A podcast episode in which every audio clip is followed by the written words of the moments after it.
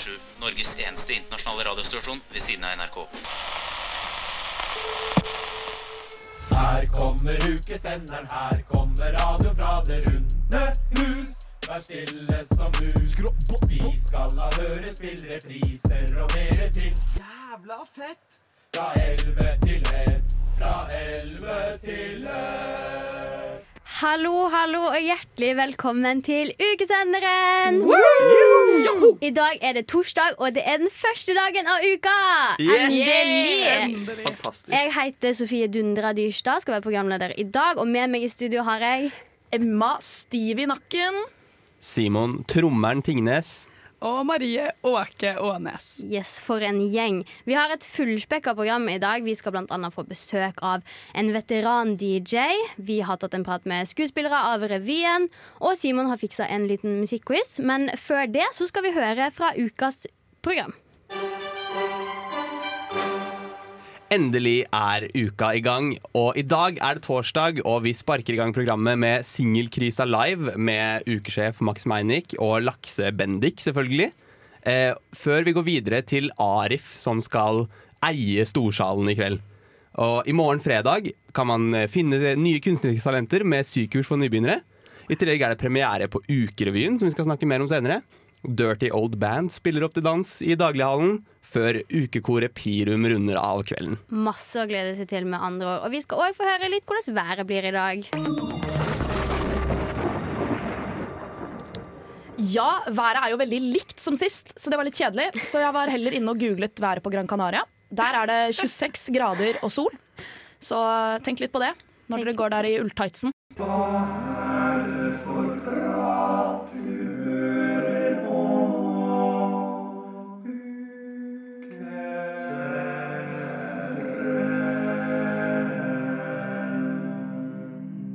Et fantastisk lite innslag fra Adams eplekor der. Eh, I går var det jo slipp av navnet på uka, og den fikk jo navnet Rasmatas. Jeg vil høre hva er det dere syns om det navnet? Det er jo eh, Jeg syns det er et kult og catchy navn, og jeg syns det kler det derre regnbue-crazy-skiltet som hang på Samfunnet i går.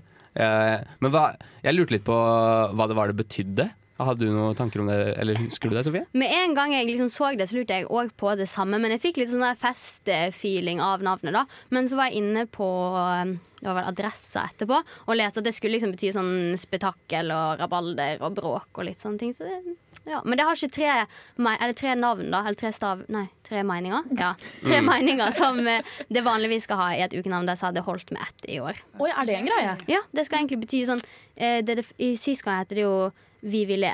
Og det var liksom Vi vil le, Ah. og så var det Vi ville, og så er vi liksom galne. Vi ville galne folk. Herregud, jeg blir opplyst av å være her. Ja. Fantastisk. Det er kjempekult. Nei, for jeg trodde bare det var en lyd. Resmetess. En, da- en dansk lyd. Ja. Uh, jeg skulle gjerne hatt litt resmetest. Litt liten Ja. Mm. Det høres litt ut som en drink òg. Litt sånn fissig fissedrink. Ja. Sånn Rasmus. Det høres også ut som en klappelek man leker i skolegården. Har dere lekt den? Tirantasse marasse, tyran. Det var den jeg tenkte på. Så jeg, jeg sto utenfor Samfunnet og prøvde å synge gjennom hele den jævla klappesangen. Sånn at jeg kunne være den som var sånn Det er dette det betyr, dere. Men de sier tiram tasse, marasse. Å, Så det er ikke rasmatas. Det var veldig likt. Hater når det skjer. Veldig Lett å blande. Uh, OK. Ja, ok, Så det er Hva var det du kalte det? Spetakkel? Ja. Bråk. Bråk og spetakkel og galskap. Ja. Og så er det litt sånn eh, det har litt sånn 1920-tallspreg på seg, mente de sjøl.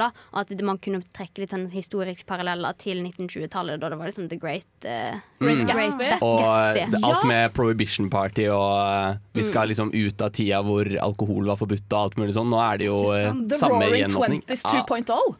det er rett og slett det, Det er vi går det inn Det i. er jo det er nå. Det er jo det.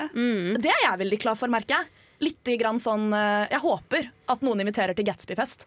Hvis ikke merker jeg at jeg blir eh, både trist og skuffet. Ja, det ja. må noen gjøre, faktisk. Vi tar det hos deg. Vi kan ta det hos meg. Hyggelig. Det høres ut som jeg er fit for a fight. Det blir rasmatas og drinker. Det blir det. Og Og litt eh, drinken heter da på meg. Ja. Ja. Yes. Eh, og Rasmatas er jo òg navnet på Ukerevyen. Eh, den skal vi snakke mer om etterpå. Først skal dere få høre litt Arif, som spiller i kveld. Dere skal få høre låta 'Alene'. Stillingsansvarlig, festansvarlig, serveringsansvarlig, frivillig verv, ja takk, teltbartender, logistikksjef, lagerassistent, ukefrivillig. Den første ukerevyen ble satt opp i 1917, og med unntak av okkupasjonsåra 1941 og 1943 er det blitt satt opp en nyskreven revy annethvert år siden. Ukerevyen blir av mange omtalt som hjertet av uka. Hvordan er det egentlig å få være en del av dette? Vi spør skuespiller Rikke. Jeg eh, føler feeling blessed, for å si det sånn. Jeg føler meg veldig heldig. Jeg husker bare at jeg så Ukerevyen første året mitt i Trondheim i 2017 og var sånn Oh my god! Det var liksom, jeg syns det så helt rått ut å være på scenen der. Så det er jo en drøm som går i oppfyllelse. Men er det egentlig masse press på å sette opp en god revy? Ja, det er jo på en måte et press, men her på Isak f.eks. føler jeg ikke vi kjenner så mye på det egentlig. Det er bare vi holder på med målretta jobbing, og så er eh, ansvaret litt i hendene til de som har ansvar for oss. At eh, vi har inspisienter som lager timeplaner, og koreografer som styrer dans og peda- sangpedagog til sang, og instruktørene til, til tekst. Da. Så jeg tror vi stoler veldig, vi har tillit til de, da. Men jo, man kjenner jo litt på det. og Det er mye som skal læres å sitte, og det er eh, mange som skal komme og se. Men, men jeg tror nok også det trigger oss og gjør oss veldig spent, og at vi gleder oss til det òg, da. Skuespillergjengen består i dag av åtte personer. Det betyr at det er masse øving for gjengen, som jobber ni til fire, mandag til fredag hver uke. Får man tid til andre ting, mon tro? Eh, Ja, vi har jo stort sett ettermiddagene fri, da. Men så kan jo det være at det går til litt sånn lekser og, og sånn forberedelser til dagen etterpå. Men uh, de fleste tar jo permisjon, da. Jeg gjør det. Men jeg tror uh, egentlig det, det går fint for de fleste. De får liksom balanserte når man får den kvelden. Tidligere uker så har de økt lengden de har vært på Isak. Så det er liksom 94, 96, 98 og så bare mer og mer. Men instruktørene vi har nå, mener vi har god tid, og vel så det, på en måte. Så vi holder det bare fra 9 til 4. Og jeg tror det, det er sikkert bra.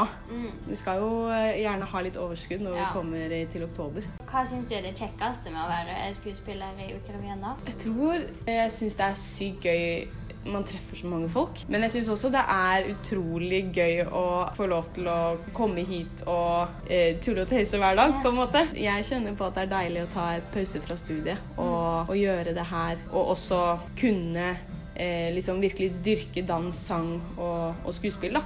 Fordi vi lærer jo veldig mye. Det er jo ikke bare terping eller innstudering. Det er liksom føler jeg lærer masse nytt hver dag. Ja. Det er kult. Hva kan publikum forvente seg fra årets revy? Eh, De kan forvente seg masse eh, gøy. Fest og sprell og en optimisme, vil jeg si. Og bare god stemning. Det er litt corny å si, men god stemning.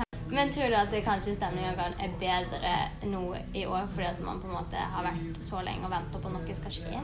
Vi håper jo det, da. Det er jo litt det vi har lyst til, å liksom bare skape en stor fest. En folkefest nå. Nå som vi er på vei ut av pandemien, og bare feire det, da. Og til slutt en liten oppfordring fra Rikke. Kom på revyen. Vi håper så mange som mulig kommer. Vi gleder oss i hvert fall skikkelig til å vise hva vi jobber med. Så det, det tror jeg blir veldig gøy.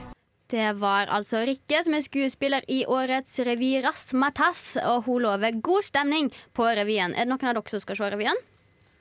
Ja, jeg kom nettopp på at den er jo i dag, den. Ja, i dag er det jo en liten premiere, og så er det bypremiere i morgen. Ikke sant? Ja, så det blir spennende. Jeg har eh, ikke skaffet meg billett, men eh, det syns jeg er veldig synd. Jeg skulle ønske.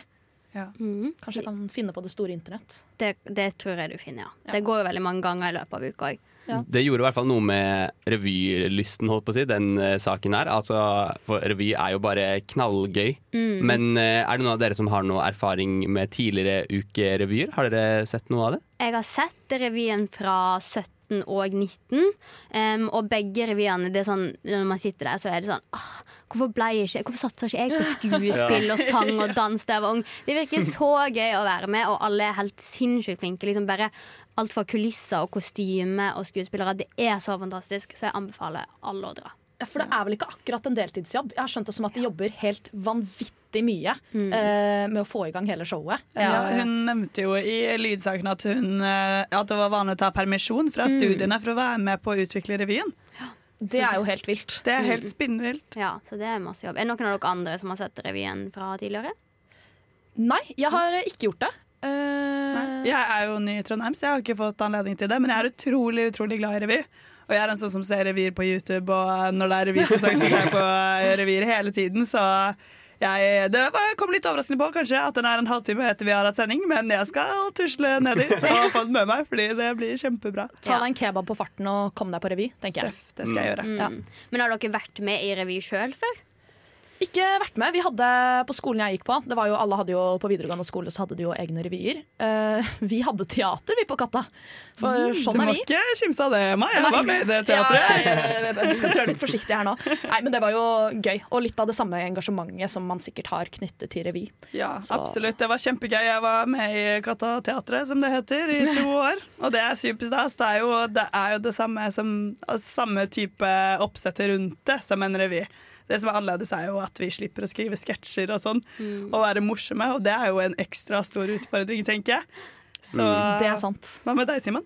Jo, jeg var PR-sjef på Nydalen-revyen, som det heter, da jeg gikk i tredje. Og det var litt av hvert å booke litt sånne her eh, revyfester og mye gøy. Men eh, bare å på en måte å være en del av det fellesskapet i liksom For der har man gjerne en sånn intensivperiode hvor man jobber i en uke, gjerne i vinterferien eller et eller annet, sånn skikkelig hardt, og så får man alt gjort. Og det samholdet man får der, er jo bare utrolig fint. Så å være skuespiller nå på revyen til uka virker jo Altså, det samholdet må være bare helt eh, himmelsk, liksom. Ja, Det er jo nesten kult, vil jeg tro. Med liksom matchende klær og en helt egen sånn timeplan du skal følge, og alle spiser uh, ferdigmat. Og det er liksom virkelig fellesskap, vil jeg tro. Det er det. Og så må man jo huske på at revy er jo det som er i kjernen av uka. Det er jo grunnen til at eh, samfunnet er samfunnet, og at uka er som det er i dag. Det hele startet med revy. Og det er veldig kult å tenke på. En uh, grunnstein der, ja. Det er en skikkelig grunnsten. Vi er ikke helt ferdig å snakke om revyen. Det skal vi snakke mer om etter denne låta. Nå skal dere få høre 'Ring meg' av Gabrielle her på Ukesenderen. Stillingsansvarlig, festansvarlig, serveringsansvarlig, frivillig verv. Ja takk. Teltbartender, logistikksjef, lagerassistent. Ukefrivillig. For å sette opp Ukerevyen er skuespillerne avhengig av kostymedesignere, koreografer og ikke minst forfatterkollegiet. Forfatterkollegiet, eller FFK som de òg blir kalla, er de som skriver sketsjene, sangene og alle replikker som blir sagt under revyen. Vi har tatt en prat med Christian, som er leder for Forfatterkollegiet.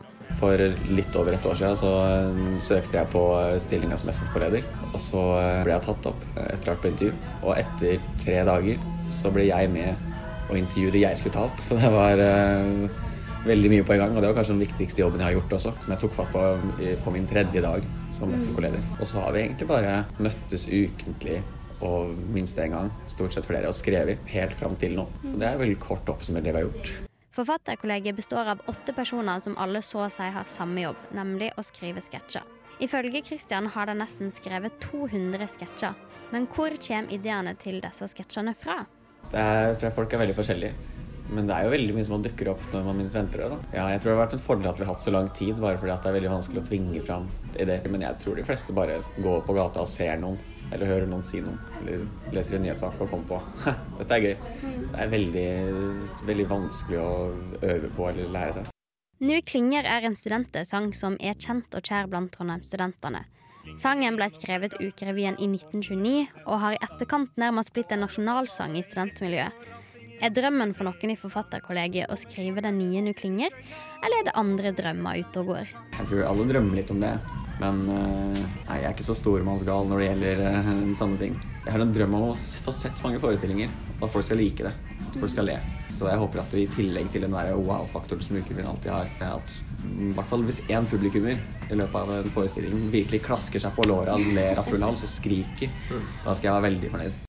Um, hvordan tror du det blir å sitte jeg vet ikke om du sitter i publikum eller backstage, men iallfall når den for første gang går opp på scenen foran publikum? Jeg har alltid en veldig sånn, stor følelse, i hvert fall for meg som er veldig glad i revy, når uh, Ukerevyen Ja, nå har jeg sett Ukerevyen to ganger uten å ha vært med. Når sceneteppet går opp, og du hører uh, bandet begynner å spille, så er det liksom gåsehudfaktor allerede. Og nå når jeg har vært med sjøl og lagt så mye tid i det her, så tror jeg ikke egentlig at jeg klarer å se for meg hvor, hvor stas det blir. Og hvis du sitter og vurderer å dra på revy, så har Christian en god grunn til hvorfor du bør komme. Den viktigste grunnen er at det blir tidenes beste ukerevy. Ah, jeg vet ikke med dere, men jeg blir så sjukt imponert, og at det er liksom så få personer som står bak en så bra oppsetning.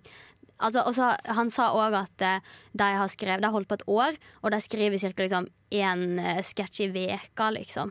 Det er mye. Ja. Ja, det er mye, og det er også utrolig imponerende at de klarer å jobbe så iherdig med det i et år. Jeg kommer fortsatt ikke over det at de faktisk tar seg fri fra studiene, fordi det jeg så liksom lidenskapelig opptatt av revy. Mm. Og det å på en måte tørre å lage noe som så mange skal le av, Mhm. eh, og som skal treffe eh, et så på en måte bredt spekter av humor og eh, assosiasjoner som ulike mennesker har, da.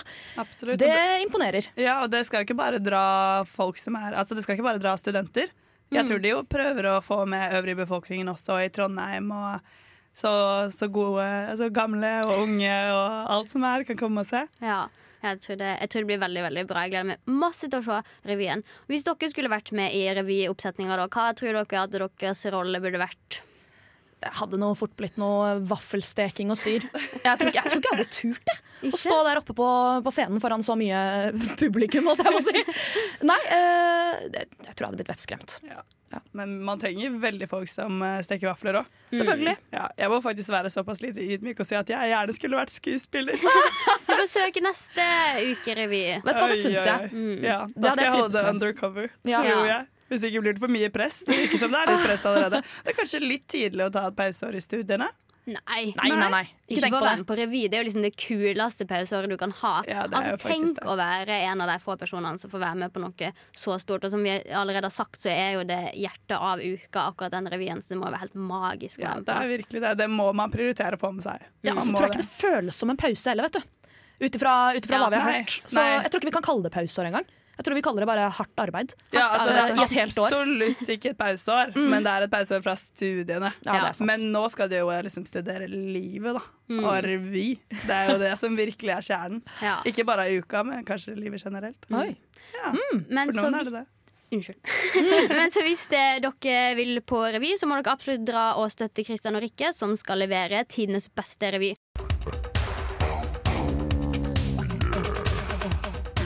Ukesenderen på Radio Revolt. Yes, Velkommen tilbake til ukesenderen. Vi har fått en gjest inn i studio. Har du lyst til å presentere deg sjøl? Ja, jeg heter Trond Andresen, og jeg er faktisk nettopp blitt pensjonist. Hadde avslutning på instituttet i dag.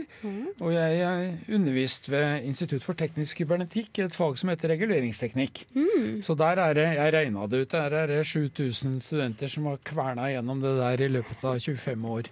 Wow. Men, men nå er jeg ferdig med det. Ja. Det er stort at vi får være med på den, eh, den begivenhetsrike dagen, holdt på å si. Der. Vi får være en del av det. Ja, artig. Men eh, vi er jo en, eh, et radioprogram om uka, så jeg lurer litt på hva som er din tilknytning til uka.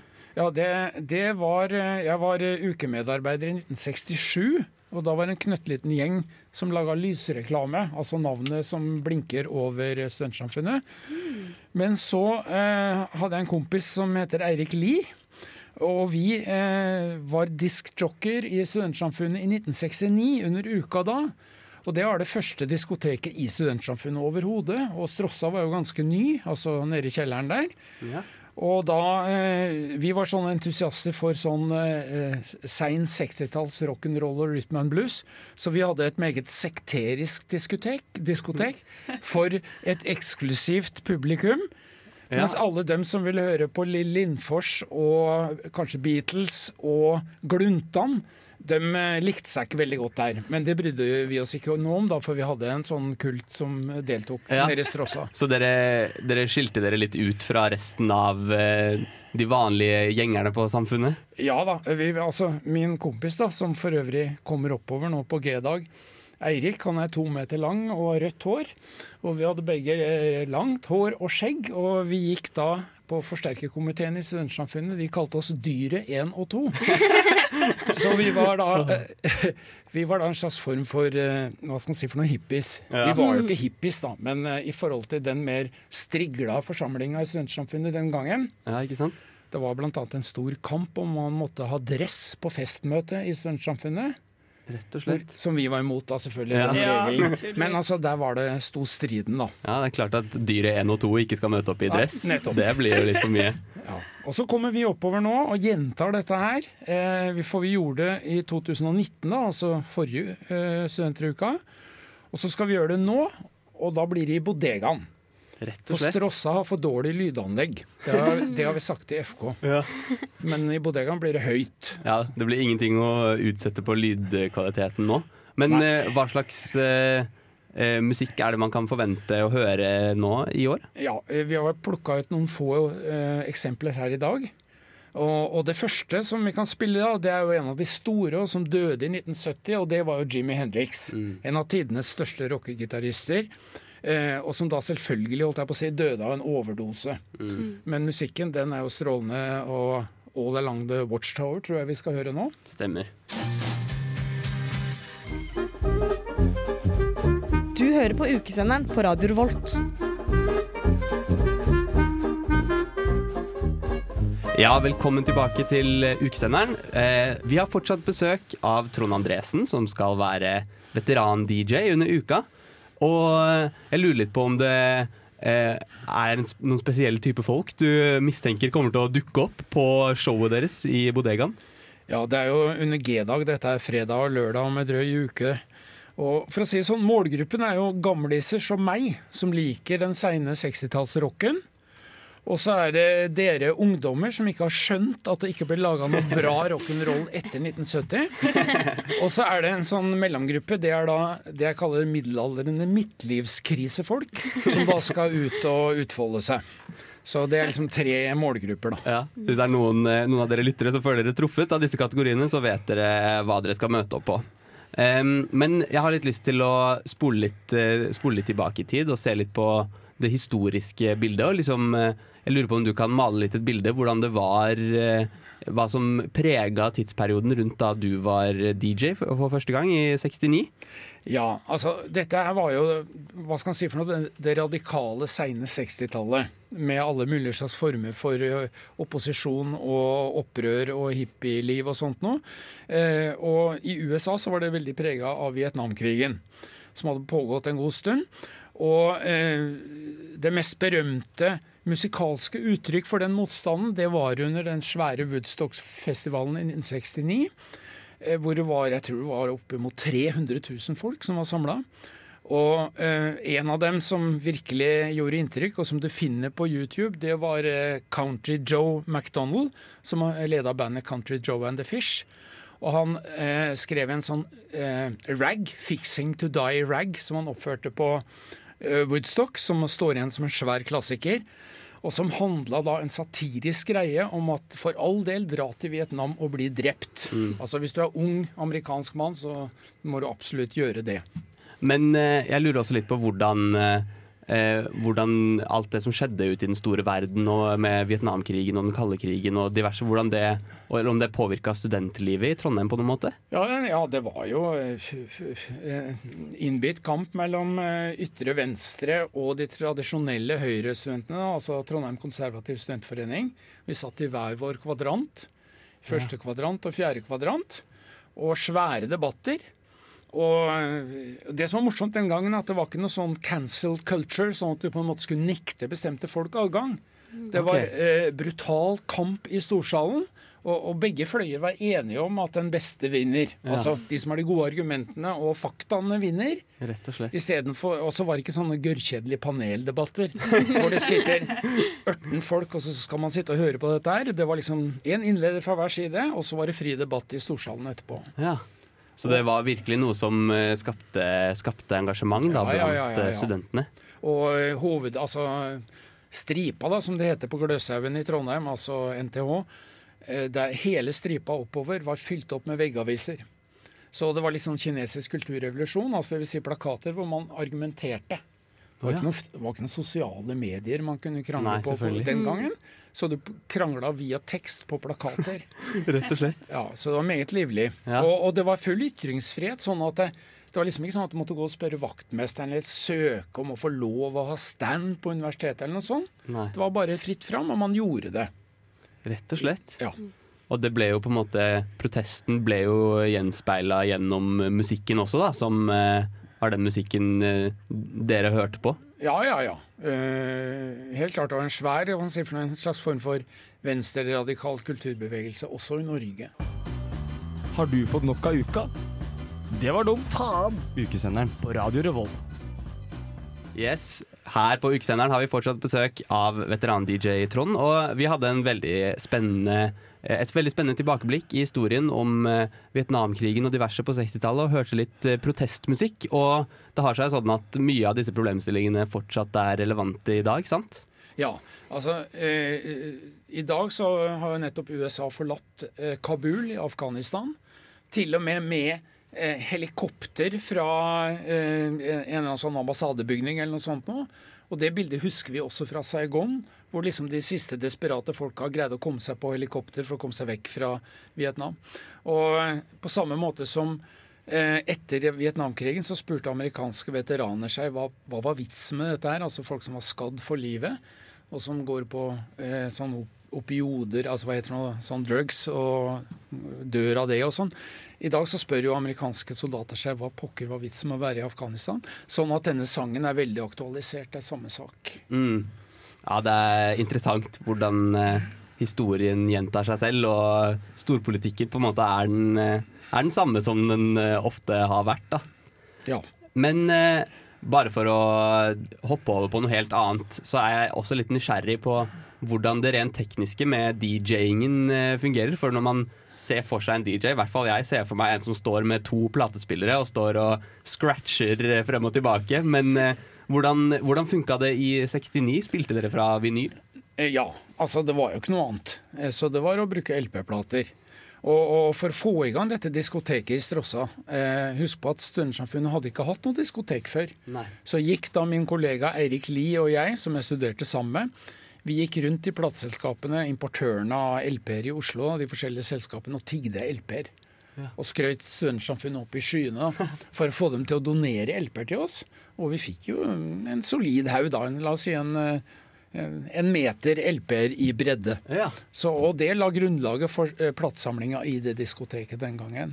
Men det var ikke noe sånn scratching eller noe sånt noe, for det ville jo være helligbrød å ødelegge LP-ene. Så det var sånn spille ei låt, si noe informativt om det neste, og spille en ny låt. Og så prøve å være litt morsom innimellom. Selvfølgelig. Og det var det. Var det noe eh, anledning for folk å komme med låtønsker, eller gikk det sin vante gang?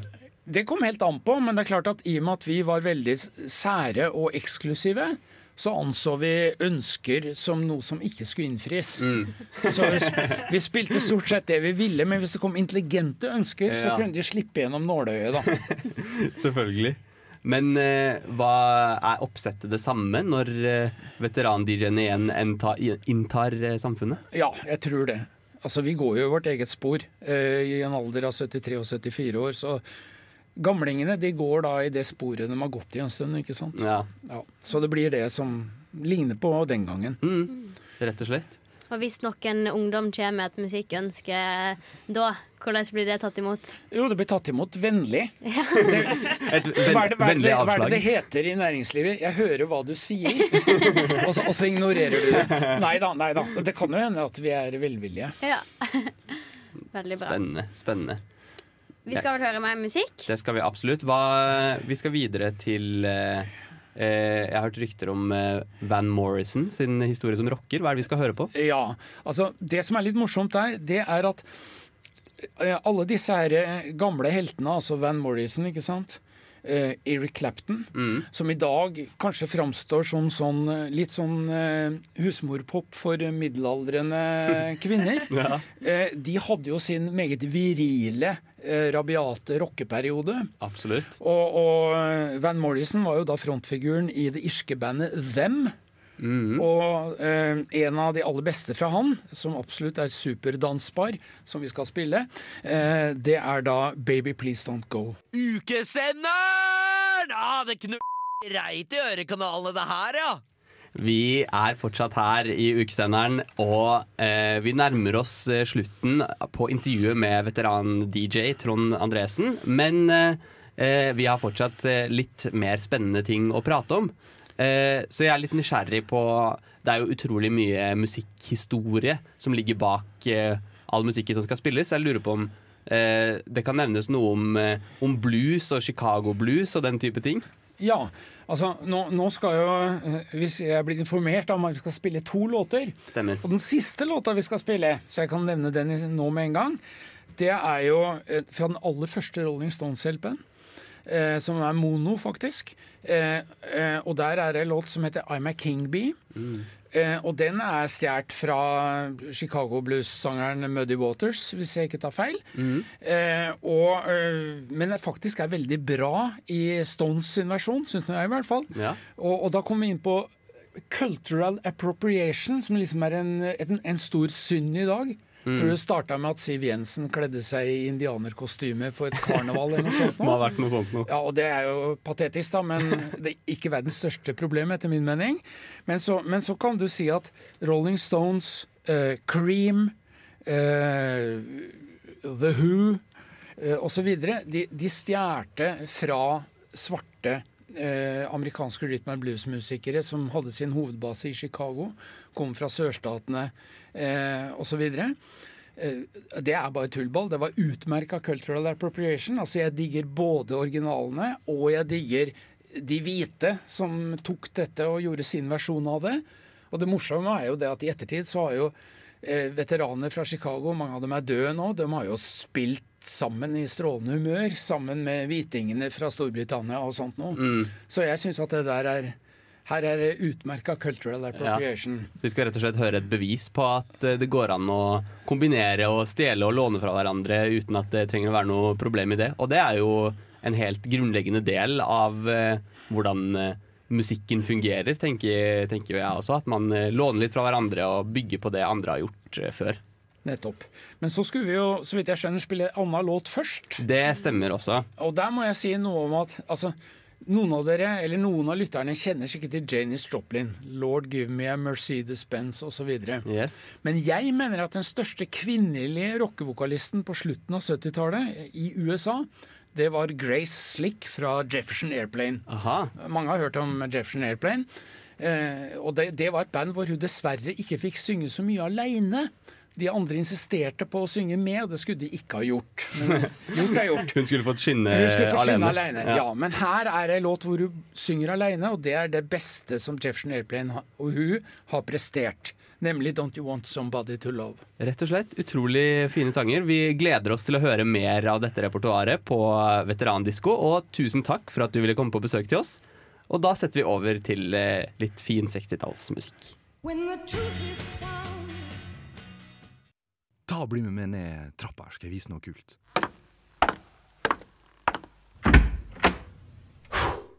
Arkivet. Studentersamfunnets plateselskap. Ukerevyen i 1963, Kismet, var en revy med sterke politiske budskap som preget samfunnet de påfølgende årene. Men musikalsk var revyen kanskje enda mer merkbar. Forestillingen gjorde overgang fra symfoniorkester til storband. Den da unge og ukjente Rolf Wesenlund tok på seg ansvaret av å produsere musikken fra revyen, og fikk gitt det ut på plate. I 1969 tok samfunnet selv ansvar for opptakene, og startet sitt eget plateselskap. Studentersamfunnets plateselskap. Otto Nilsen, mannen i radiostatuen på Bakklandet, ledet en programserie ved navnet Nu klinger, som var en av de første opptakene av en ukerevy. Selve plateselskapets første prosjekt var dog revyen Prinkipo i 1969. De skaffet nødvendig startkapital, og virksomheten var i gang. Opptakene ble gjort av forsterkerkomiteen i en tom storsal, slik at de kunne ta flere opptak av samme nummer. Under uka ble det gitt ut diverse EP-er, mens etter uka kunne en finne en fullstendig LP med alle revyvisene ved et opplag på rundt 1000 LP-er. Ukerevyen ga plateselskapet en svært god start. Hovedgrunnen bak dette var de dyktige låtskriverne Gustav Lorentzen og Øystein Dolmen. Låtene deres var så gode at to av låtene ble gitt på en egen singel. Ut og pass og inn og dans fra 71 og Æ er kommunens pyroman fra 69 solgte godt. I 1973 kunne vi finne Ut og pass og Inn og dans på fjerdeplass på Norsktoppen. Duoen lagde også barneviser på ukesenderen med stor suksess.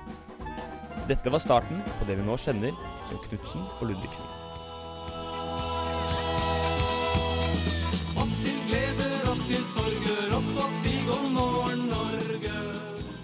Hadde det ikke vært for uka, så ville jeg vært sosiologiprofessor i dag. Man kan nesten si at uka redda livet mitt, sa Øystein Dolmen. Med åndsverk fulgte opphavsrett.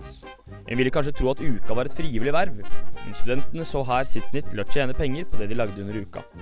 Dette var særdeles lite ønskelig, og ukesjef Torfinn Haugland utarbeidet en kontrakt for dette i 1979, hvor en belyste at amatører ikke fikk honorarer, men derimot muligheten til å vise seg frem for en større publikum. Tiden gikk, kassetten kom, tiden gikk videre, og CD-en kom.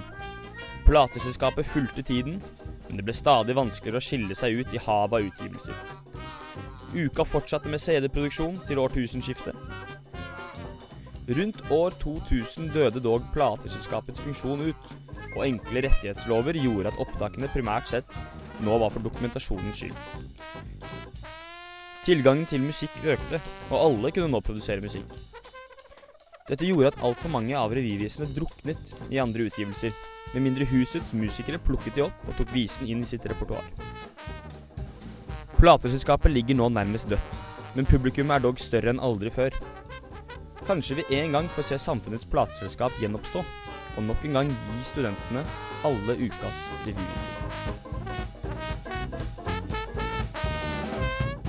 Jeg heter eh, ja, Hva står det her, da? Eh, Bare bare Egil står her. Eh, Du hører på Radio Revolt. Hei, hei. Eh, Synne heter jeg. Jeg eh, har kommet inn her fordi jeg også er en del av ukesenderen, og jeg har nettopp vært og dekket eh, et meditasjonskurs.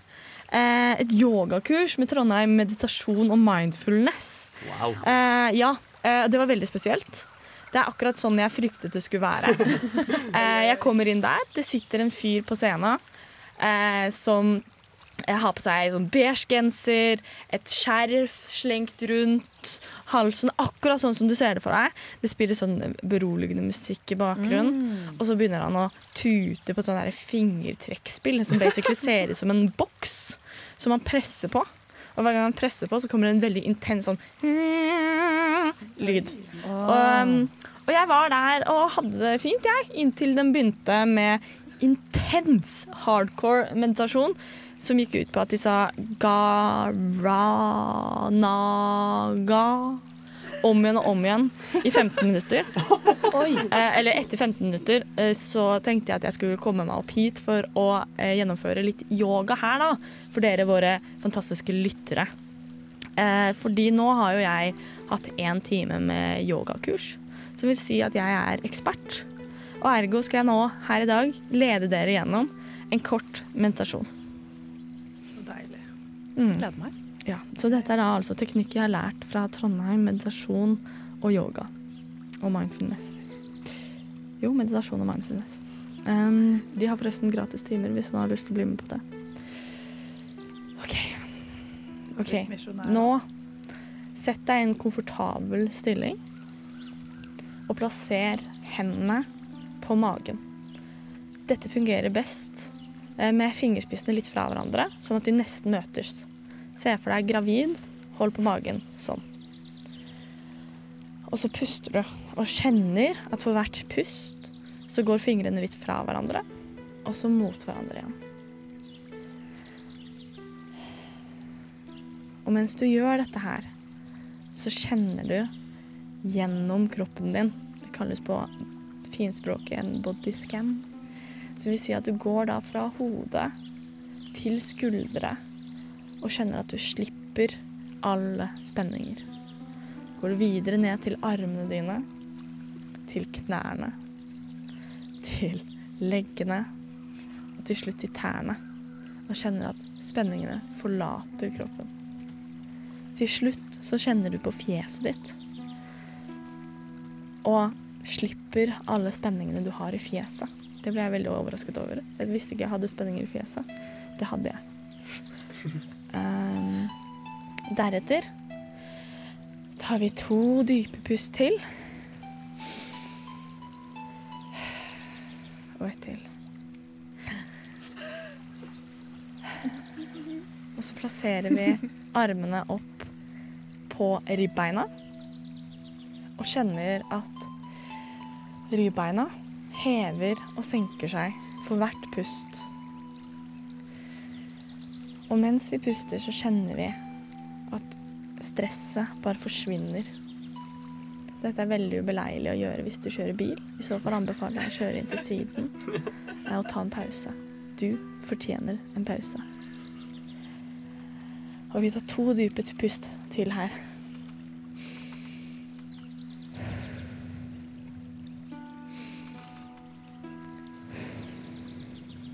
Så beveger vi hendene slik at vi har tomlene under armene. Og på den måten kjenner på brystkassa vår. Og vi kjenner at når vi puster, så beveger brystkassa seg utover. Opp og ut.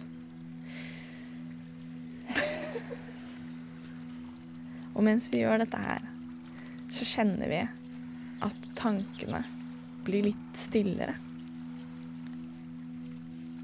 Det er kanskje ikke så viktig som man tror, den ene øvingen. Det er kanskje ikke så farlig å dukke opp med hverdagsklær når antrekket egentlig er galla.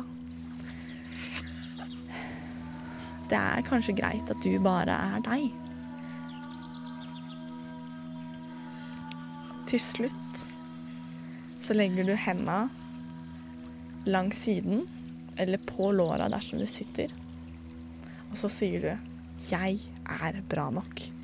Jeg er bra nok. Tusen takk eh, for at dere ville dele denne stunden her sammen med meg. Eh, dette er da fritt oversatte teknikker jeg lærte på kurs eh, som ble holdt av uka i dag.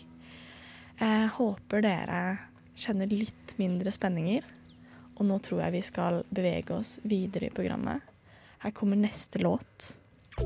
Den heter eh, 'Fuego' av Musti. Kos dere. Og mitt navn er Martin The Lepperød. Du hører på Radio Revolt. Og du hører på ukesenderen. Og takk til Synne som velsigna våre ører i stad. Du har lov til å komme oftere inn i øret mitt og ha litt yoga. Tusen takk, det var en glede. Ja, Og det trengte vi absolutt etter kvelden i går. For hva var det vi gjorde i går, Simon? I går var det rett og slett promenadekonsert, og det var en fantastisk start på uka.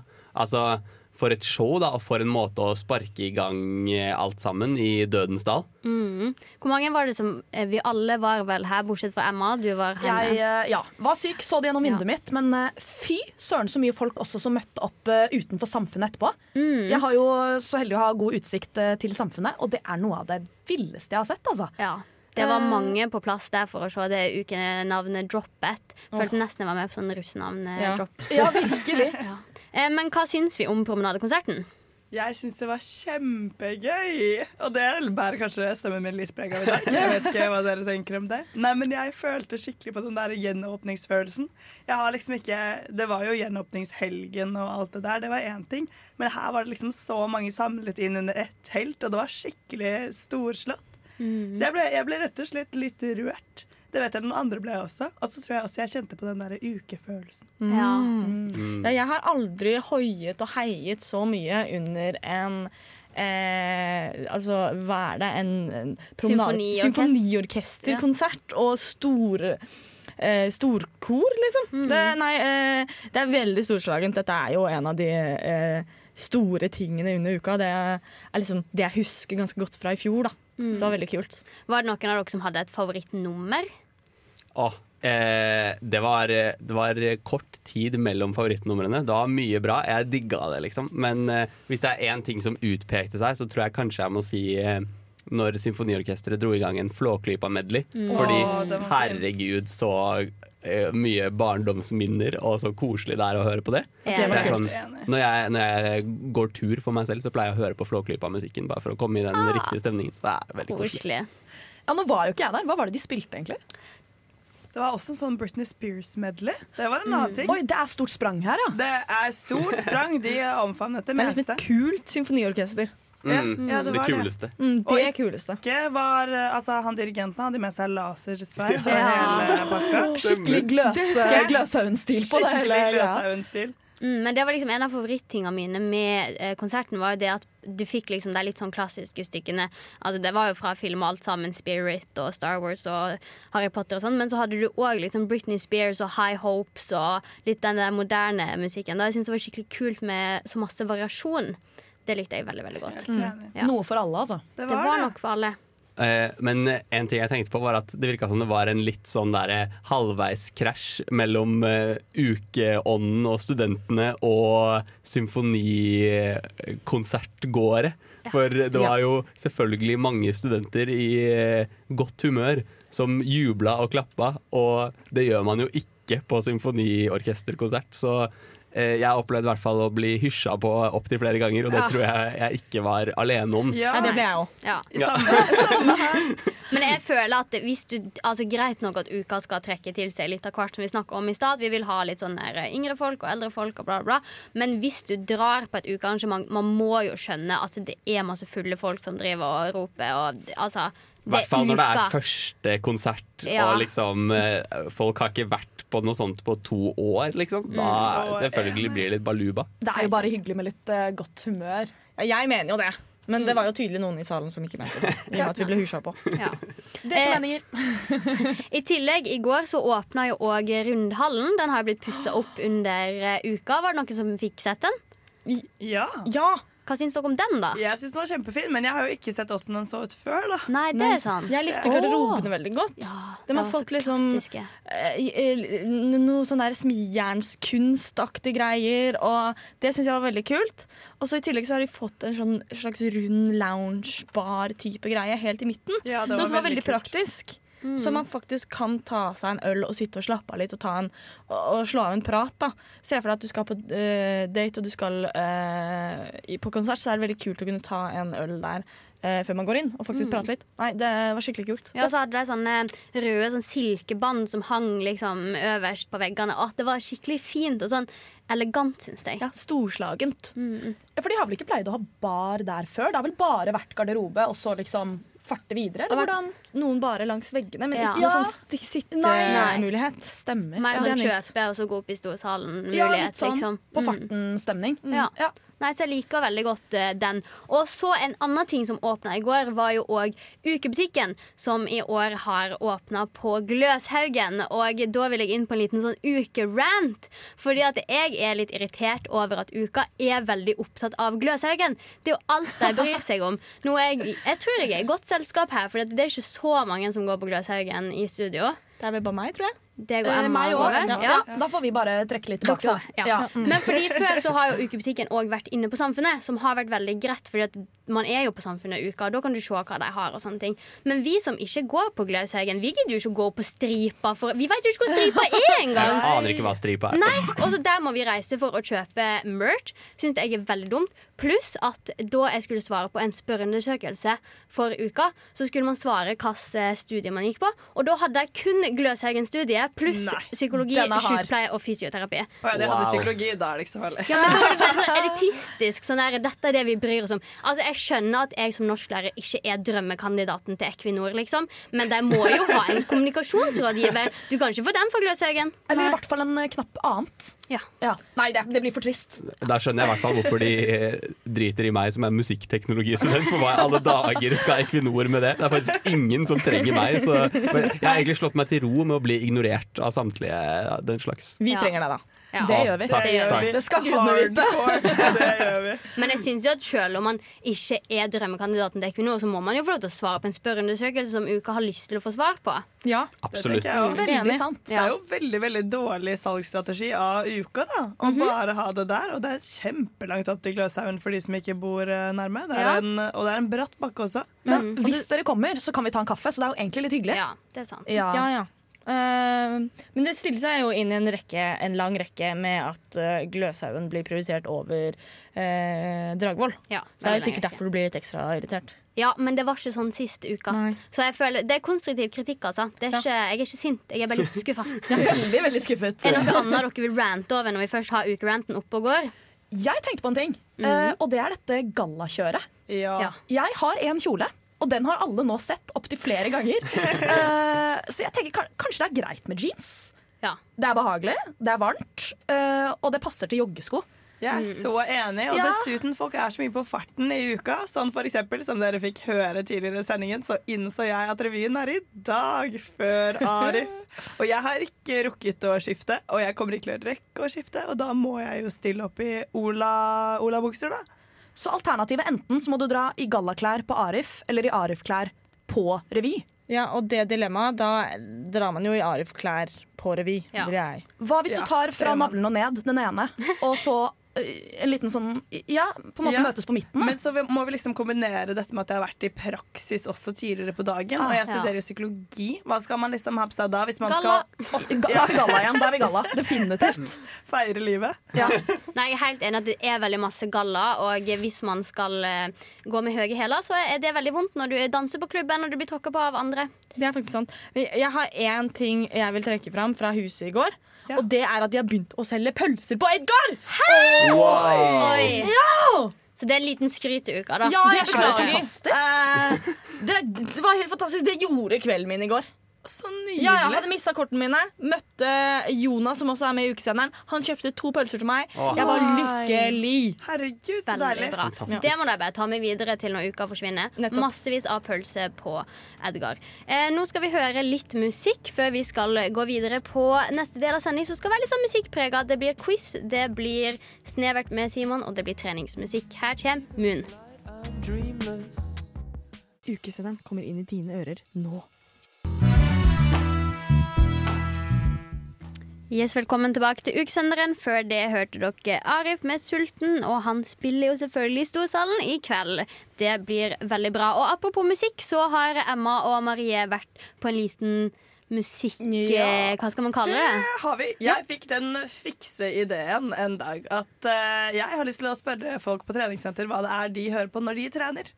Og det er egentlig bare fordi jeg av ren nysgjerrighet har lurt på det hver gang jeg er ute og trener. For jeg kan høre på noe spaisa greier. Ja. Altså, det er alt fra liksom sånn hardcore rap til eh, Lisa Børud. Og alt er på én spillerliste.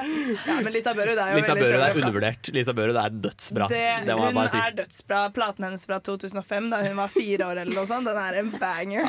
Det går hardt. Det går hardt. Nei, det var jo fantastisk. Eh, vi trør jo inn der i jeans og, og genser. Blant eh, alle disse treningsglade menneskene. Eh, vi stakk oss jo rimelig greit ut, vil jeg si. Eh, men folk var veldig samarbeidsvillige, altså.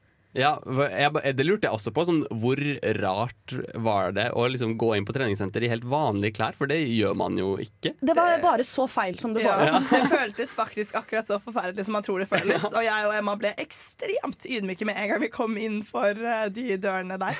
Men vi, vi lagde noen spilleregler da. Vi var sånn, vi, vi avbryter ikke noen midt i et sett. Liksom mens de står nede i skotten Det blir for dumt. Unnskyld! Sånn, Unnskyld, unnskyld, unnskyld. Så det var folk som sto liksom litt sånn luten og ventet mellom sett. Der Ja. så vi Vi tok dem mens de drakk vann. Jeg føler det er sånn, sånn hyener som lusker rundt vannhullet. Ja. Uh, og vi bare øh, tar dem når de ikke Ja, følger Vi med. fant deres et bytte, og så svakeste bare punkt. Ja. tastet vi bort, og så spurte vi. Ja, ta de svake som er slitne etter et rep. Yes. Mm. Også, men Emma hun hadde jo en enda bedre idé enn meg igjen. Og det var at eh, kan vi ikke lage en remix av de sangene vi finner? Og det Ja, for hvorfor stoppe der, liksom? Hvorfor stoppe der? Det, det gjorde vi ikke. Vi sendte det oppdraget videre til musikkteknolog i studio Simon. Ja, vi kunne ikke spille det vi hadde laget, for å si det sånn.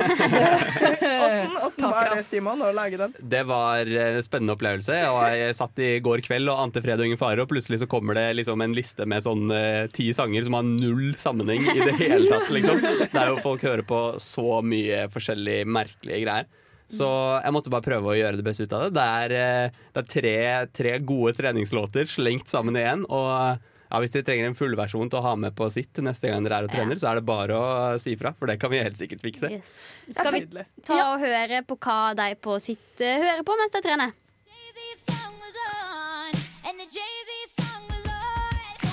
Oh my god, oh my god, this feeling's just begun. Saying things I've never said, doing things I've never done. I'm Slim Shady, yes, I'm the real Shady. All you other Slim Shadys are just imitating. So won't the real Slim Shady please stand up? Please stand up. Please stand up.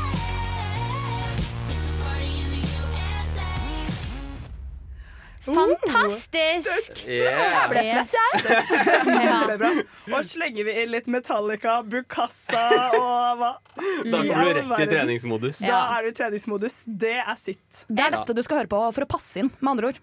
Så hvis du er litt usikker, så fortsett med det, og hør på remixen vår. Ja. Jeg vil gjerne ha en full versjon, sånn tre minutters lang versjon som jeg kan drive og høre på på trening. Selvfølgelig. Ja. Men jeg vil faktisk fremheve en annen treningsremix også, som vi fikk anbefalt da vi var der, og det er Big Booty Remix på Soundcloud. Uh, ikke vet jeg hva det er.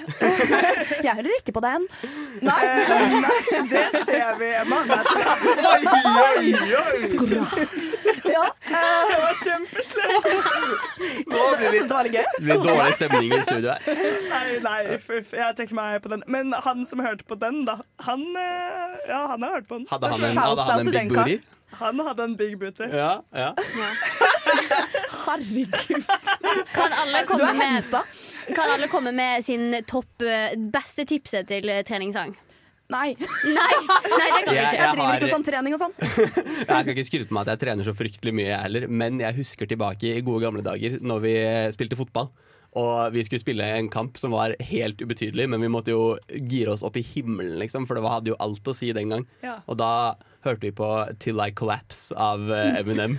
Som var bare sånn der, eh, den mest hypa tredjesangen noensinne. Så det er min er anbefaling. Nice. Ja, jeg tenker Det kommer jo veldig an på hva du gjør. Så Når man løper, da kan man gjerne høre på litt sånn lidenskapelig musikk. Da kan Lisa Børud, for eksempel. sånn- eksempel. Hva, hva sa du? Lisa Børud. Lisa Børud, for eksempel. Det er lidenskapelig. Eller Beyoncé, for eksempel, kan også gå. Men når det er liksom pumping, da må man på med noe rapp. Ja. Ja, nå anbefaler jeg Down, da. Jeg kan jo Emma, har du bestemt det, eller vil du Jo, ja, det var bare litt sånn hardt å innrømme, men jeg hører altså på I'm a Survivor. Og det gjør Ja, jeg også nice. på vei til skolen. Så når du ikke vil, men du må. Jeg sa jo Beyoncé. Det er jo helt Det er, det, innafor. det er faktisk det. Så det er det jeg kjører, da. Sjøl vil jeg anbefale 'Martyret på Mydal gress', som er Åsane sin fotballsang. Hør på den. Dere kommer til å like den sjøl om dere ikke liker Wow. Elske. Nå kommer Combos med Jet and Bone.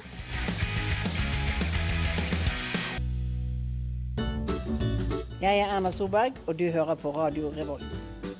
Og du hører ikke minst på ukesenderen. Og Simon, du er jo ganske musikkinteressert. Det stemmer, og det preger jo alt jeg bidrar med i det programmet her. Og det er bra. Eh, og det tenker jeg vi bare fortsetter med. Eh, så jeg har min lille spalte som vi har kalt så fint for Snevert med Simon. Hvor jeg har min lille hyllest til eh, alle de litt mindre konsertene og arrangementene som foregår under uka.